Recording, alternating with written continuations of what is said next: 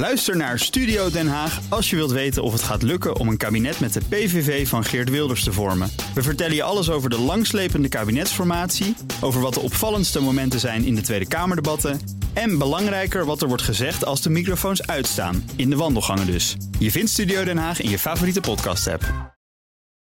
DNR Nieuwsradio. Boekenstein en de Wijk. Zon, zee en autonome wapensystemen.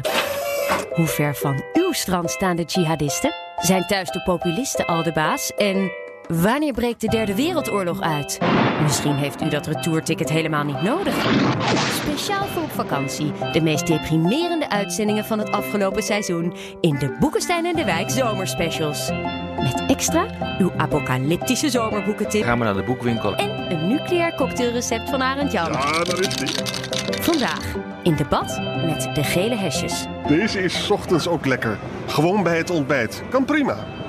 Ik noem hem de volkscocktail, want hij heeft de kleur van de gele hesjes en hij is heel makkelijk te maken. Gewoon de helft jus en de andere helft champagne. Ik laat voor dat doel altijd een restje bubbels in de koelkast staan. Beetje ijs erbij en genieten van het ochtendzonnetje. Ook verfrissend na een stevige demonstratie. Voor de verkapte armoede die hier in Nederland heerst. De verkapte dictatuur waar wij in leven. Horen dat we weer naar achteruit gaan. Horen dat de boodschappen duurder worden. Als je alleen maar naar de zorg kijkt. welke vluchtelingen hier binnenkomen. Pensioenleeftijden gaan omhoog. Maffia-praktijken. En Rutte staat bovenaan als maffia-baas. Macron démission, Merkel moest weg en Rutte rolt op. De gele hesjesbeweging protesteert in verschillende Europese landen tegen het systeem. Op zoek naar de nieuwe wereldorde. Welkom bij Boekenstein en de Wijk vanuit Café de Eeuwige Jachtvelden aan het plein in Den Haag. Met namens de elite. Arend-Jan Boekenstein en Rob de Wijk. Sorry jongens. En namens de Telegraaf is hier Wier Duk. We hebben het over de gele hesjes. Met de gele hesjes. Welkom Ingeborg, Jordi, Fred en de rest. En Ingeborg, eh, jullie komen net van de andere kant van het plein vandaan. Hè? En ik geloof Rutte ook nog weer even gezien. Ja, klopt. We hebben Rutte net eh, voorbij zien lopen. En, eh, ik heb gevraagd of hij al zich had verdiept in het manifest. En Ja. hij is eraan begonnen, zei hij. We hebben het ook Ja. hier liggen. Goed zo. Hij gaat het lezen en dan? De belangrijkste eis was geloof ik oprotten. Hè? Dat Ja, was eigenlijk... ja, ja. Maar dat, dat zat er geloof ik niet in. Nee, maar dat hadden we ook niet verwacht. Maar daar staan we nog steeds wel voor. Ja, Hoe gaat het met de beweging? ja heel goed. Maar ik geef je even over aan mijn collega. Aan Fred? Hey Fred. Goeiedag. Jij doet de Haagse, de Haagse dingen, begreep ik dat net goed? Ja, ja klopt. Eh, samen met, eh, met Harnie en eh, nog een aantal mensen zijn wij inderdaad hier elke zaterdag eh, op het plein vanaf 1 uur. En dan eh, proberen we natuurlijk zoveel mogelijk mensen te werven. Ik wou eigenlijk even beginnen bij Brussel. Ook een belangrijk onderwerp eh, voor jullie eh, in het manifest. Maar ook omdat volgende week de Europese verkiezingen zijn. Ik las in het manifest Europa maakt meer kapot dan je lief is. Wat dan? Ja, ja, ja, dat is duidelijk toch? Eh, al het geld gaat daar naartoe. Ja, er, er komt geen geld meer naar het volk. Heel simpel. Hoe moet het volk eten? Kort maar krachtig toch? Wat hoop je dat er volgende week bij de verkiezingen gebeurt? Ja, nou, ik ga me niet bezighouden met die verkiezingen. Dat zeg ik heel eerlijk. Weet Ja. je? Ik bedoel, als ik me daar helemaal in moet gaan verdiepen in, in, in die grote poppenkast. Heeft, geen- hij heeft niet eens geen nut. Ja. Maar heeft Europa voor jou geen enkel voordeel? Ik, nee, in, in, in dit opzicht dus zeker niet, nee. Maar dit is toch, we exporteren toch naar Europa toe? Natuurlijk wordt er geëxporteerd, maar er gaat te veel naar het buitenland toe. Ja, er wordt te veel geëxporteerd. Ja, en als het bij mijn portemonnee raakt en, en, en meerdere mensen, dus het volk, de portemonnee raakt, dan denk ik toch bij mijn eigen mensen, waar zijn we met z'n allen mee bezig? Ja, pak die multinationals lekker. Die, die, die kunnen importeren, niet wij. Importeren. Maar wacht even, er, zijn toch... Exporteren, Als, wat als, als een fabriek exporteert, dan zijn er toch mensen die die producten maken. Die hebben dan toch een baan? En die hebben toch een salaris dan? Is dat-? Ja, Ja. Je hebt het nu eventjes over wat de Europese Unie voor de Nederlandse bevolking... Ja, ik lijkt me wel belangrijk. Ja, dat vind ik heel belangrijk. Vooral als je nagaat dat de voedselbanken zijn ontstaan sinds, de- sinds we lid zijn van de Europese Unie. En nu we het toch hebben over het lidmaatschap van de Europese Unie, wil ik je graag eventjes iemand anders geven. Maar ik moet het in mijn eentje doen. Ja, Arend-Jan? Goeiedag, Eh, ik ben Jordi Zwarts. Ik ben eh, van de Nationale Bond tegen Overheidszaken. De bond tegen overheidszaken. Overheidszaken, ja.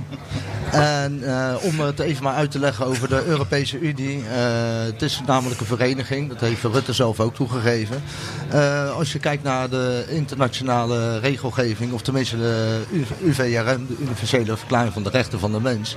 Artikel 20 lid B, daar staat duidelijk in beschreven dat dus wij niet gedwongen kunnen worden tot een vereniging. Dus we worden eigenlijk feitelijk allemaal onze mensenrechten ontnomen. Waardoor wij dus gedwongen worden om deel te nemen in een vereniging. Wat eigenlijk dus een hoop mensen helemaal niet willen. En daar is waar dus denk ik ook een hoop gele hesjes dus in, eh, tegen in op eh, zijn aan het komen. Door de regelgeving die vanuit Brussel wordt opgelegd. Waardoor eigenlijk fundamenteel onze rechten worden geschonden in Nederland. Maar, maar, maar eventjes eh, een vraag aan je. Stel je eens voor dat we zouden besluiten op basis van dit soort argumenten van nou we stappen er gewoon uit en we willen het niet meer. Hè? Geen geld meer naar Brussel. En, Dat, dat willen jullie toch? Ja. Nexit? Wat, zou er, dan, wat toch? zou er Ja. dan gebeuren? Met, ik werk in een fabriek, ik maak stoelen en die gaan naar Scandinavië en naar Spanje. Jij werkt helemaal niet in de fabriek. Nee, nee, maar, nee, maar, Ja, kijk. Hier, Weert- fake Weert- news. Ja, Weert is hier voor de feiten, jongens. nee, maar, nee, maar zonder bedoel, Stel voor dat het zouden doen, hè? omdat je zegt van ik wil geen lid van een vereniging zijn. Ik denk dat het toch ook heel... Ik, ik wil graag een baan hebben. Hoe ging dat dan daarvoor? Eh, nou, zover we weten is de Europese Unie eh, pas een aantal decennia's bestaat het. Maar volgens mij bestaat onze handeldrijving al veel langer. En al veel eeuwen doen we dat al. Dus we doen nou net of dat de Europese Unie ineens ons tot handel heeft gedreven. Maar dat doen we al eeuwen. Nee, maar dat Dus- klopt. Dus, dus, Dat klopt, daar heb je gelijk. Ik, ik kan de tijd nog herinneren uit eh, de gulden tijd. Ja, een hoop mensen hadden het veel beter in die tijd. Ja, maar weet je wat het was? Als je nou verder in de geschiedenis teruggaat, hè? voor de Tweede Wereldoorlog. Historicus. Toen, Ah, toen waren we, doseren hier, hè? nee, maar toen, toen waren we dus waren we soeverein, wat eh Ja. Thierry Baudet heel belangrijk vindt. Hè? Toen ging het op, met de handel helemaal mis. Allemaal grenzen gingen dicht en we werden heel arm. Nou, na de Tweede Wereldoorlog hebben ze gedacht, weet je wat, we maken een gemeenschappelijke markt en dan heb je toegang tot die landen. Dan kan je daar je producten afzetten. En dat heeft geleid tot enorme welvaart de, de eerste 30 jaar. Maar daar heb je niet een steeds verdere integratie voor nodig, eh Arend Jan. Kijk, ik denk dat deze mensen ook wel eens zijn met, eh, hè, met eh, handel en, ehm, en, en een goed draaiende export. Maar ik denk dat wat zij zien is een Europese Unie die steeds verder en dieper wil integreren. Althans, dat, dat zegt men, hè, die leiding in Brussel. En zij zien ook hoeveel geld er naartoe gaat. En wat bijvoorbeeld Europarlementariërs, hè, zoals Sophie in het veld, bleek weer afgelopen weken. Hoeveel die daar incasseren en hoe die met onkosten omgaan en met declaraties en zo. Dat soort dingen zijn allemaal in het nieuws.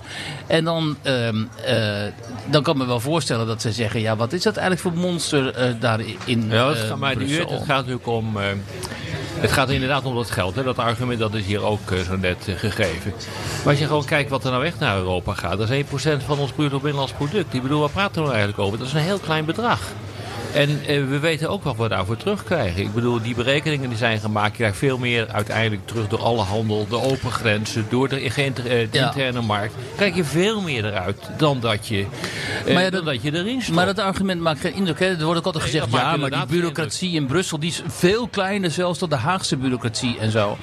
Dat, soort, eh, dat soort argumenten leggen dan mensen die Dat is wel waar. pro-EU zijn altijd op tafel. Maar, maar- nou ja, maar dat is Maar natuurlijk een goede niet vraag. door. Weert, dat is een goede vraag. De, eh, vraag aan jullie. Als je gewoon kijkt wat de Europese Unie kost en wat die uiteindelijk oplevert, dan levert die veel meer op dan die kost. Maar jullie argument is van, ja nee, wij willen niet dat al dat geld naar Brussel gaat, eh, want we worden daar arm door. Wat is nou voor jullie nodig om je te overtuigen dat het wel geld oplevert? Die samenwerking binnen de Europese Unie. Als ik kijk naar de filmpjes van Tom Staal, ik weet niet of je die gezien hebt, Nee. dan is de EU gewoon een beschamende vereniging. Het schaamrood staat op je kaken. Die, ik adviseer je om die even ja, te maar bekijken. Wat is er dan beschamend aan? Wat zegt hij aan dan? is dat zij gewoon... A, ze betalen geen belasting. B, eh, eh, ze krijgen de ene toevoeging na de andere. Er, worden geen, er, worden geen, eh, er wordt geen inzage gegeven op hun onkostenvergoedingen... waar ze wel voor goed nee, maar dat is een ander- dat is een ander worden ze verhaal. gaan inschrijven op, op, op seminars. Daar krijgen ze dan 300 euro voor. Maar ze gaan, zodra ze ingetekend hebben, gaan ze exit. Jawel, maar ik bedoel, misschien is het allemaal zo. Dat weet ik niet. Nou, dat nee, is- maar de vraag was, eh, de Europese Unie kost geld. Ja. Hè? Eh, zo net eh eh, Freek, hè, eh, die zei... van- Hè?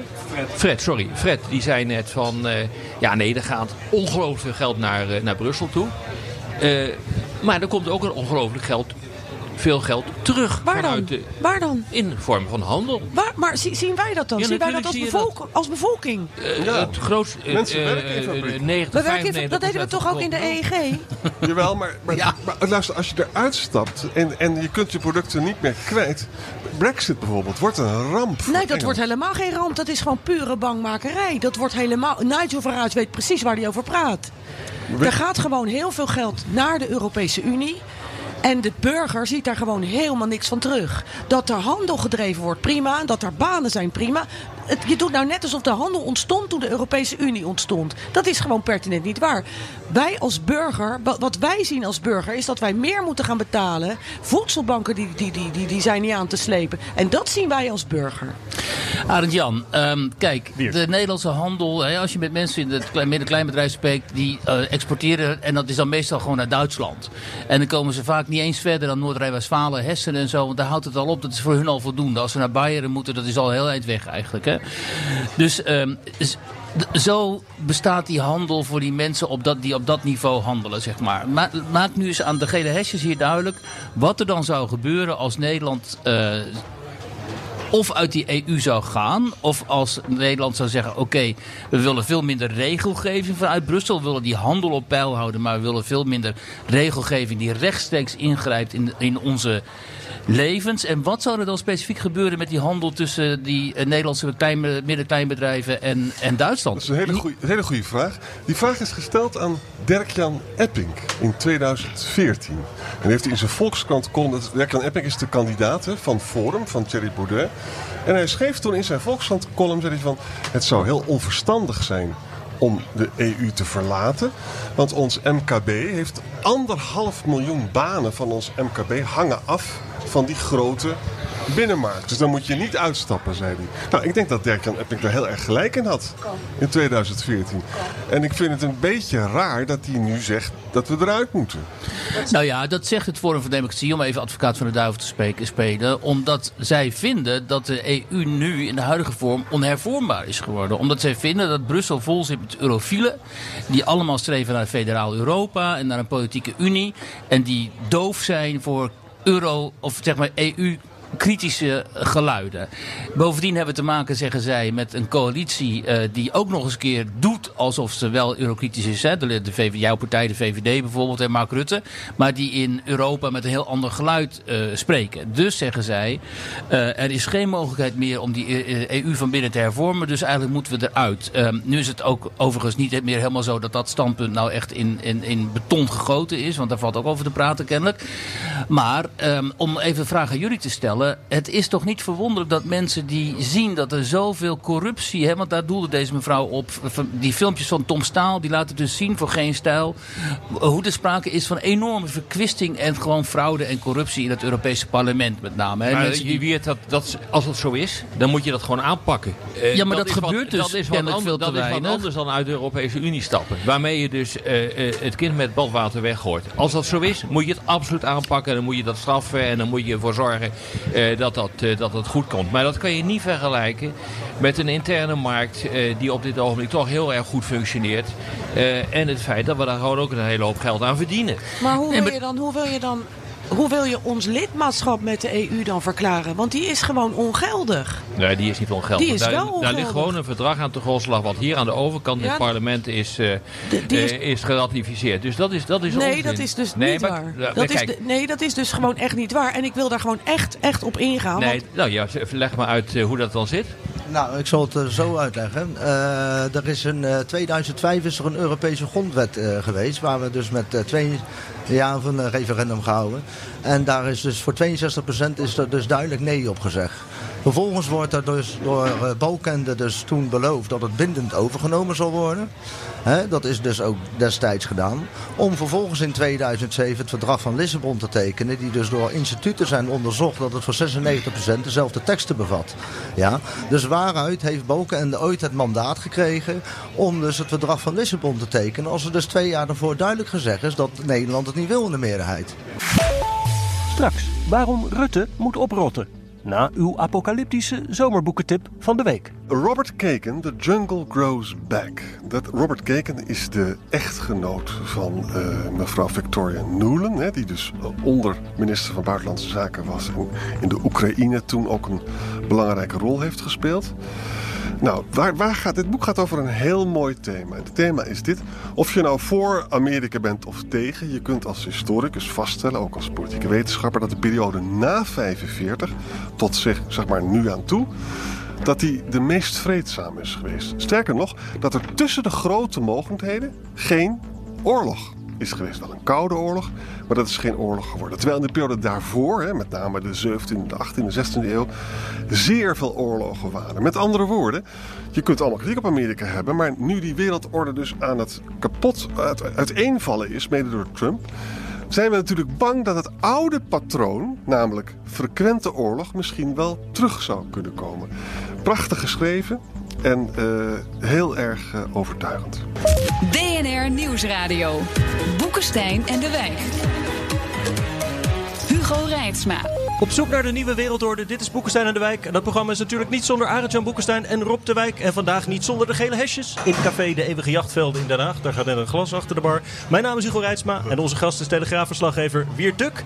En namens de gele hesjes zijn hier Ingeborg, Jordi en Fred. En nog een stel die iets verderop uh, aan de bar zitten. En Wiert, ja. jij bent die man die naast de ontevreden burger staat met een notitieblokje.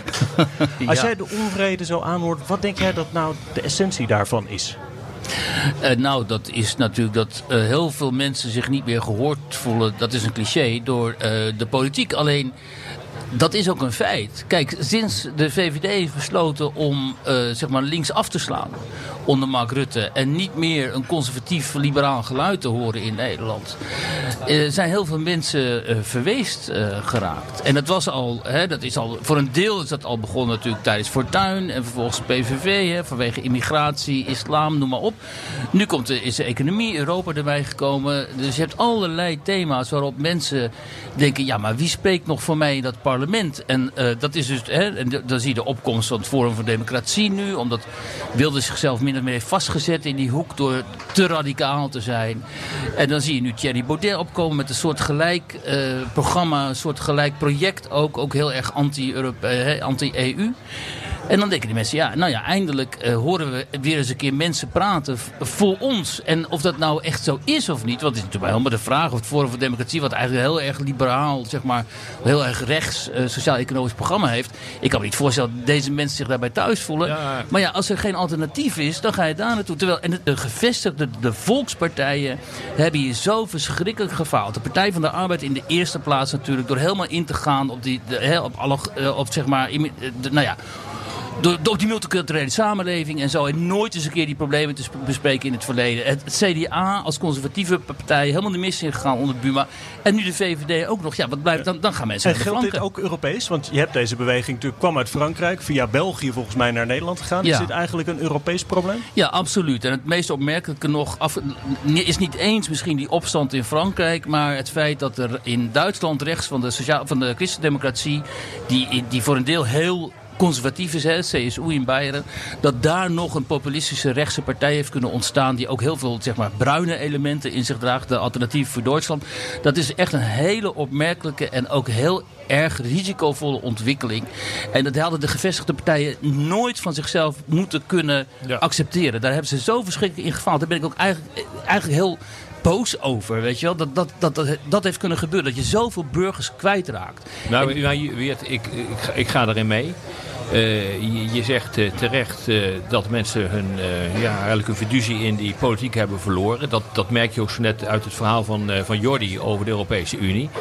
Ja, hoor eens, je kunt zeggen dat het illegaal is, maar het is wel gewoon een democratisch besluit genomen. Dat 100 meter verderop in de Tweede Kamer, want we zitten nu in Den Haag, is genomen. He, dus dat, dat, zul je, dat zul je dus ook gewoon moeten, moeten accepteren. Ik wil even, even, even vragen naar die, dat democratische beslissing. Ja, nou ja, daar gaat natuurlijk het hele punt uh, om. Als ik dus jullie, uh, wat, is, wat, als ik jullie, als ik jullie, uh, jullie stuk ook lees. Oh, over welk democratisch besluit heb je het nu? Als ik jullie over de Europese Unie en het referendum waarvan toen is gezegd van nou, er is een nieuw verdrag gekomen en dat gaan wij, wij gaan dat democratisch bekijken en wij gaan het toch aannemen. Ja, maar ja, dat verdrag, weet je, en een paar aanpassingen en toen was er opeens geen grondwet meer, Nee, maar nee, een maar verdrag. even, even met alle goede orde. Maar het is gewoon democratisch bepaald. Dat is Juist. ook democratisch bepaald. Natuurlijk want is er het bepaald. nooit- Er is geen referendum gehouden Dat- over het lidmaatschap van de Europese Unie. Je hebt een, jullie hebben allemaal volksvertegenwoordigers ge- gekozen die, die, die erover stemmen. En die dan eh, met- met vervolgens daar een misleiding besluit en over bedro- met Nee, maar daar zit het probleem. aan wacht Jongens, wacht even. Je moet wel de regels van de democratie accepteren. Hier zit in dit parlement zitten partijen die ook voor jullie kunnen spreken als je op hen stemt. En die hebben destijds met meerderheid besloten dat het. dit, dat dit een, eh, een besluit wordt. en- en dat- Dan kun je moeilijk hier gaan zeggen, ja, maar het is niet democratisch. Dat is namelijk hier tegen ook gewoon destijds besloten. is ook niet democratisch. Nee, maar wat erbij komt is, als je ergens het niet mee eens bent, betekent dat niet per definitie dat het ondemocratisch is. En dat is eigenlijk wat je zegt. En nee, dat zeg je wel. Want als ik ook gewoon naar je stuk kijk, dan zeg je het kleine beetje inspraak dat wij als bevolking nog hebben, dat is ons ontnomen. Ik begrijp heel goed waarom je daar eh, zo'n probleem mee hebt. Maar ook dat is een democratisch eh, eh, besluit geweest om dat referendum terug te trekken. Want ik neem aan dat jullie destijds op eh, PVV hebben gestemd. Eh, op de PVV, die, wat, die waren toen al ja toch op Wilders. Want die waren het daar niet mee eens. Dus dan kun je toch op die partij stemmen. Ja. Maar ja, als die dan vervolgens overruled wordt door de meerderheid... dan heb je je daarbij neer te leggen. Maar Dat wat is, voor democratie leveren we in als dus een tweede partij van het land, dus met een condom sanitair buitengesloten wordt, met discriminatie en uitsluiting? Want dat is, dat is gewoon discriminatie Maar ze mochten om toch, iemand uit te maar de sluiten. PVV mocht toch meedoen in Rutte 1? Ja. Nou, meedoen, dat was een uitgesloten. gedoogpartner. Dat is wat anders dan deelnemen aan de regering. Nou ja, maar ze, maar ze verschillende waren daar heel blij mee. En vervolgens is Wilders weggelopen. Ja, dat zeggen ze. Maar er is ook nog een, eh, een artikel uitgekomen een onderzoek. Volgens mij was het het NRC eh, die dat gedaan heeft. Waaruit gebleken is dat niet Rutte het heeft laten, of eh, Wilders het heeft laten klappen. Maar dat man- Maxime Verhagen uiteindelijk Ja. dus een nieuw Maar- ijzerpakket neer heeft gelegd. Waar hij niet mee akkoord kon gaan. En niet kon verkopen aan zijn achterban. Maar Wilders, heeft zijn rug maar, gehouden. maar Wilders heeft geen 76 zetels in het Nee, parlement. dat klopt. Maar als de tweede partij van Nederland nog ineens niet uitgenodigd wordt om überhaupt het gesprek aan te gaan om te kijken of er een regering uit voort kan komen, dan sluit je al bijvoorbeeld iemand uit. is hè. niet de eerste keer, en hoor, het dat is, En het gebeurt. is niet dat meneer Wilders wordt uitgesloten, want meneer Wilders vertegenwoordigt op dat moment 1,4 miljoen mensen die buiten Nee, maar gesloten dat- worden. dat zijn en dat is argumenten een hele, dat is in een democratie mag dat niet voorkomen. Nee, maar nee, in de democratie moet je gewoon Onzin. een meerderheid vinden. En dan kan heel goed zijn dat de tweede partij niet in die meerderheid Sterker nog, de grootste partij, de PvdA Toch? ooit, is ook gewoon buitengesloten. Is, heeft, die is de hele onderhandelingen over een eh, regering. Is hij, is, hij, is hij er niet ingekomen? Zou ook niet dat kunnen. kan. Ja. Natuurlijk kan dat. Ja, We leven in even- een democratie. Kan ik even door naar een volgende punt? Want dit gaat natuurlijk heel erg over Europa en over wantrouwen eh, tegen de politiek. In het manifest staat ook nog heel veel over de zorg, over de sociale zekerheid, maar zelfs over Demming en 5G. Het duizelde mij een beetje als ik het allemaal zo eh, achter elkaar Ja, zat te lezen. klopt, Wat is voor jullie nou het, het belangrijkste inhoudelijke punt waarvan je zegt hier gaat het verkeerd? Eh, op het moment dat het raadgevend referendum van tafel is geveegd. Ja. Dat betekent dus dat wij helemaal geen inspraak meer hebben. Ja, we hebben dan de verkiezingen. Maar dan, dan stem je op verkiezingsretoriek. En zodra de verkiezingen voorbij zijn, dan ver- verdwijnt dat als sneeuw voor de zon. En in de rechtbank noemen wij dat valse voorwenselen. Dus waar stemmen we dan eigenlijk op? Dat weten we Maar niet. dan heb ik een en dan vraag heb je, vier, heb je vier jaar lang dat wij niks kunnen. En dan krijg je een verdrag zoals het verdrag van Marrakesh. Dat wordt gewoon maar getekend. Daar wordt niks. Wij worden helemaal niet. Daar worden we niet in betrokken. Wat Ja. wel een enorme impact op de samenleving heeft. Dat kan toch zomaar niet? Dus dat is dan weer dat, dat punt van vertrouwen eigenlijk. Waar ik een beetje op de inhoud ook wel, en dan kijk ik even naar jou Rob, aan denk. Is, is dit nou eigenlijk gewoon ook de globalisering, de Chinezen die in het WTO-systeem zijn getrokken, waardoor hier lonen onder druk komen te staan. Dat we ineens met een, een een paar honderd miljoen Chinezen gaan eh, concurreren? Ja, maar dat is natuurlijk ook zo. Kijk, de, een hele hoop eisen in dat eh, pamflet die zijn totaal gerechtvaardigd. En die, en die grieven zijn volstrekt gerechtvaardigd. Eh, de economie groeit, maar de burger werkt er weinig van. Althans, een, een deel van de burgers werkt er weinig van. Al 40 jaar geen, reële Oost-Europeanen die hier naartoe komen waarvan het idee bestaat dat die de banen inpikken. Pensioenroof. Inderdaad, dat zijn allemaal bekende grieven en die raken ook bepaalde groepen binnen de samenleving. Niet iedereen, maar dat is absoluut een eh, punt. Daarnaast, da- wacht even, daarnaast moet ik, daarnaast, da- daarnaast moet ik constateren eh, dat er een aantal dingen in zitten waarvan ik denk dat is zonde van dit verhaal. Want je hebt hier een goed verhaal. Wat ik, eh, dat is sociaal-economisch, dat is een prima verhaal. Daar kun je absoluut een punt mee maken. Maar vervolgens ga je roepen 5G, Eh, dat mag er niet komen, want eh, straling. Eh, doofpotten, MH17 en Demming. En je moet niet alleen maar naar Rusland wijzen met betrekking tot MH17, maar ook naar, naar Oekraïne. Weet je, dat maakt het, dat maakt het niet sterk. Dat is doodzonde van je boodschap. Dat, ik kan me dat voorstellen dat dat doodzonde is, maar het, is niet, het draagt niet één boodschap uit. Het draagt alleen maar het, het wanbeleid van deze regering uit. Je moet je dus voorstellen, en ik, ik, ik wil je echt rustig zeggen, toen was ik ontzettend trots, echt trots om Nederlander te zijn. Toen, toen, toen die, die, die, die overleden mensen eh, van MH17 aankwamen in Nederland en ze werden naar de laatste rustplaats gebracht. Zoveel Nederlanders langs de snelweg. Nou, ik kreeg tranen in mijn ogen. Ik denk, dit is het Nederland waar ik trots op ben. En dan mogen die mensen gewoon niet weten hoe of wat. Hoe dan? En met zijn onderste steen. En Timmermans gaat maar staan brullen. Schijn nou toch uit met die flauwekul. Ik zou dan zeggen, ga het eens even aan Poetin eh, zeggen. Nee, je en vraag hem eens naar- even wat er nou precies gebeurt. Kijk, je, je hoort mij niet. Dat is Ja, typerend. Je wijst kijk. nu naar Poetin. Ik heb geen Poetin of Oekraïne genoemd. Maar ik wil wel. Ja, nee, ik heb gezegd. Er wordt gewezen naar Rusland. En niet naar, naar, naar Oekraïne. Maar ik zeg niet wie. Maar wij willen wel weten hoe of wat. En dat horen we niet. En dat klopt niet. Weert? Nou ja, het draagt natuurlijk niet eh, bij aan de beeldvorming als eh, Frans Timmermans dan bij Pauw gaat zeggen dat iemand uit het vliegtuig eh, is gevonden met een, hè, met een lucht, hoe heet dat, een zo'n mondkapje. Terwijl het helemaal niet kan en zo. Dus dat hij dan politieke munt gaat slaan met zijn verschrikkelijke sentimentalisme uit zo'n tragedie. Kijk, deze, die, deze mensen, als ik even voor jullie mag praten, die hebben feilloos in de smiezen wie authentiek is en oprecht en wie niet.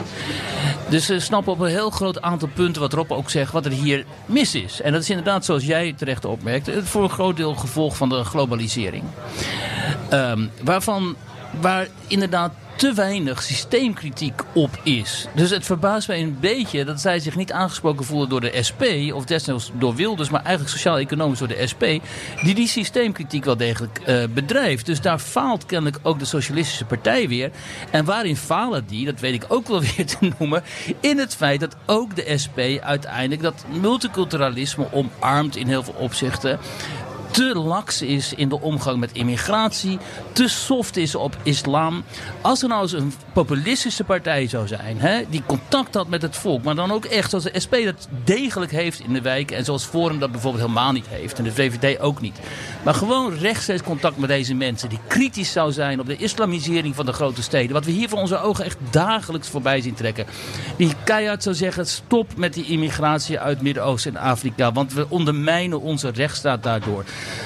Al die hele simpele punten waar deze mensen mee zitten, dan ben je binnen de kortste keer heb je gewoon weer 20, 25 zetels. Alleen dat weigeren ze steeds, omdat ze waarom? Omdat ze te bang zijn. Weet je, dus die lafheid in de politiek is echt iets wat een, een groot probleem is. Maar ik zou je aanraden, als ik je een advies mag geven, hiermee ga je het politiek dus niet redden. Hè? Als je je gaat verdrinken in, eh, in eh, wetgeving, regelgeving, paragraaf zus, paragraaf zo, dan ga je dus geen mensen eh, aan je binden. Eh, politiek is iets anders dan eh, ver- verdrinken in allerlei eh, regelgeving. Maar ik heb ook geen politieke ambities. Nee, maar je eh, wil wel een programma Nee, maar je over het wil invloed brengen. hebben. Ja. Maar op deze, manier, Eh, de- op deze manier heb je geen invloed. Nou dat is ja, kijk, dat is ik- het hele ik ben- ik probleem. Ik ben de, de- een voorzitter van een bond die tegen de overheid eh, richt. En dat eh, op een Ja, juridische maar- manier aanpakt. Maar En ik daar heb, leg ik heb, bloot. ik heb net ook gezegd van je hanteert ook een aantal complottheorieën erin. Dat is gewoon niet handig.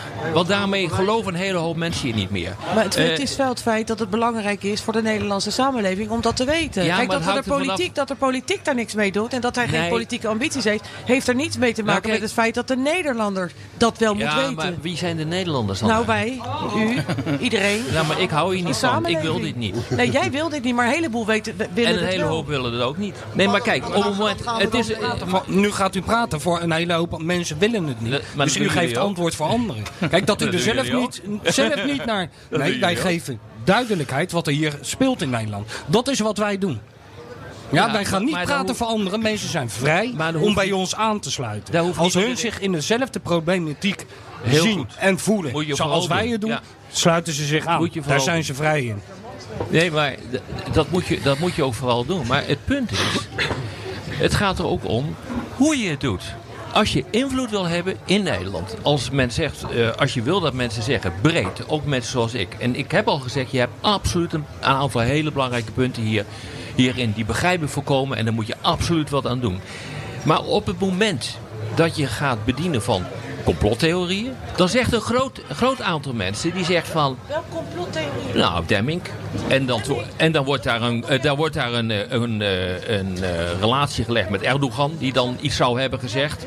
Dat moet je niet doen. Dat Dat is- onder de rechter geweest, hè? Maar zie je- 17 is onder de maar rechter. waar- Moet je mee uitkijken. Ja, onder de rechter geweest. Onder de rechter geweest dat het niet naar buiten mag. Maar wie, wie, wie zegt dat dit een complottheorie is dan? Dat staat er gewoon in. Nee, dat staat er niet. Dat maak jij, dat maak jij ervan. Dat lees ik er gewoon uit. Ja, dat lees je eruit. Maar Als je zegt dat dat doofpotten zijn, doofpotten zijn, dat, is, typisch. Dat is uw mening. Maar typisch de- complottheorie.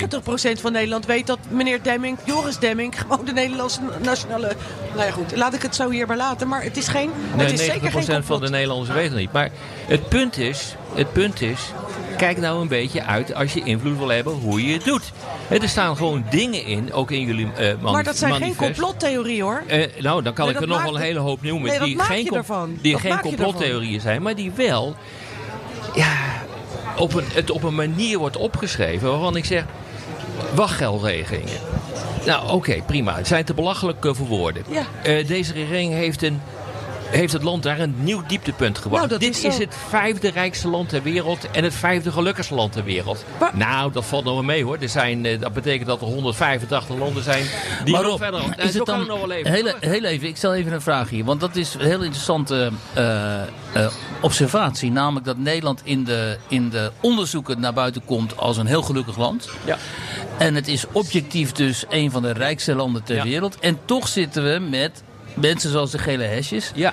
Die zich daar totaal niet in herkennen. Omdat je, omdat je gewoon een grote groep hebt, helaas, die het slachtoffer worden van globalisering. Die helaas het slachtoffer worden van het systeem waarin je leeft. En dan hebben we een politiek die daar gewoon te weinig voor doet. Dus ik ga helemaal met jullie mee in een heel groot dingen, die, eh, aantal zaken die te maken hebben met sociaal-economische problemen. Helemaal goed. Daar moet je ook echt absoluut wat aan doen. En ik ga ook mee met Wiert, als hij zegt van ja, maar in die politiek is gek genoeg daar veel te weinig aandacht voor.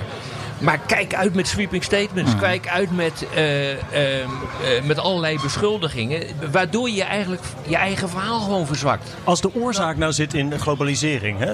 Arjan, jij bent voor globalisering, dus het is jouw schuld. Ehm, wat, ja, hier zit die mensen. VVD'er. Wat, wat zou jij zeggen dat de middenpartijen moeten doen om die globalisering ook te laten werken voor alle mensen? Ja, maar dat, dat is toch geen vraag, Ja, om te- om eh, te- Hugo, met alle respect. Ja, om te beginnen erkennen. Kijk, globalisering levert voor sommige mensen banen op. En voor sommige mensen leidt het tot eh, banenverlies. Dat is eigenlijk de waarheid. Hè? Voor sommige mensen is het goed. Voor andere mensen kan het zijn dat je je baan kwijtraakt. Een Poolse vrachtwagenchauffeur heeft een Nederlandse vrachtwagenchauffeur eruit gedrukt. Hè?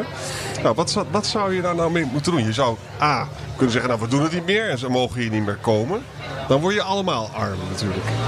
Maar wat, we echt hadden moeten doen, is dat je dan mensen die dus, waarvan de banen op de tocht zijn, dat je die in een soort Deens systeem, dat je ze probeert te herscholen naar sectoren waar wel nog wat valt te verdienen. En dat zou voor iedereen het beste zijn. Nou, ja, maar Arend Jan, wacht even. Die Nederlandse vrachtwagenchauffeur heeft een heel eerbaar beroep. En die wordt weggedrongen uit die markt omdat die Pool goedkoper is of in een constructie werkt via de criminele, halfcriminele uitzendbureaus. Waardoor hij gewoon, hoewel hij minder verdient dan die Nederlandse vrachtwagenchauffeur, eh, toch op die wagen kan gaan zitten. En dat, natuurlijk zegt die Nederlandse vrachtwagenchauffeur dan: Hallo, dit is mijn beroep, ik wil dit doen. En ik word hier opeens weggeconcurreerd op een semi-illegale manier eigenlijk. Hè. Dat, dat gebeurt in het Westland, zie je dat heel veel. In de kassa, al die uitzendbureaus daar met die polen. Nou, eigenlijk is het nog erger. puinhoop. We hebben dus te weinig inspecteurs zijn er ingezet om te controleren of die Polen wel het Nederlandse minimumloon kregen. En dat, dat, dat waren dus te weinig. En dat betekent dat ze eronder werkten. En toen hadden de Nederlanders geen enkele kans meer. Dus dat Maar is jongens, een grote fout. Voor de goede fout. orde, daarom zei ik zo net van Hugo, dat is toch geen vraag. Je kunt niet voor of tegen globalisering zijn. Op het moment dat je geen hek om Nederland hebt, is er sprake van globalisering. Dan maak je onderdeel van een brede buitenwereld. Ja. En inderdaad, als China opkomt en de lonen zijn er laag, dan gaan arbeiders in de Nederlandse fabrieken concurreren tegen de lage lonen in Chinese fabrieken. Gebeurt dat niet, hou je de lonen hier hoog, eh, hoog dan gaan al die eh, fabrieken naar eh, China. En dat is al gebeurd. Dus doe wat. Trump doet. Nou, in, Trump heeft absoluut een punt. Ja. Alleen, eh, Organiseer een eh, playing field waarop, hè, waarop Ja. het, eh, in ieder geval China niet je, je, je fabrieken weg. wordt dat met een duur woord genoemd. Juist. Maar natuurlijk, dat moet Ja. ook gebeuren. Ja. Ja. Ik vind dit een mooi einde. Wij zijn altijd zo lelijk over Trump in dit programma. Nu Nou, eindigen dan we heb je mij nodig om iets positiefs over met een Trump compliment te zeggen. Ja. Dit was weer Boekenstein in de Wijk. Namens Arend-Jan Boekenstein en Rob de Wijk zeg ik dank voor het luisteren. Speciale dank aan Wier Duk. Speciale dank aan de Gele Hesjes en Café de Eeuwige Jachtvelde voor de gastvrijheid. Tot volgende week. Oh, dit was hem al, jammer. Ik dacht, ik ga nog even door.